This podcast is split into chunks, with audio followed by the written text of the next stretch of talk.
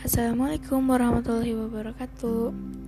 Peraturan di sekolah yang dibuat oleh pihak sekolah harus ditaati. Manfaat menaati peraturan di sekolah: hidup menjadi lebih disiplin, hidup menjadi lebih bertanggung jawab, terhindar dari hukuman, dihargai oleh teman dan guru. Terwujudnya lingkungan yang damai dan ten terwujudnya lingkungan yang damai, tentram dan aman.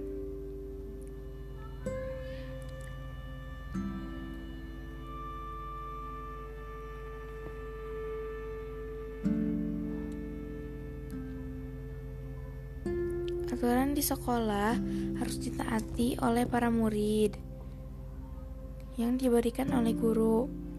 Sekian, terima kasih.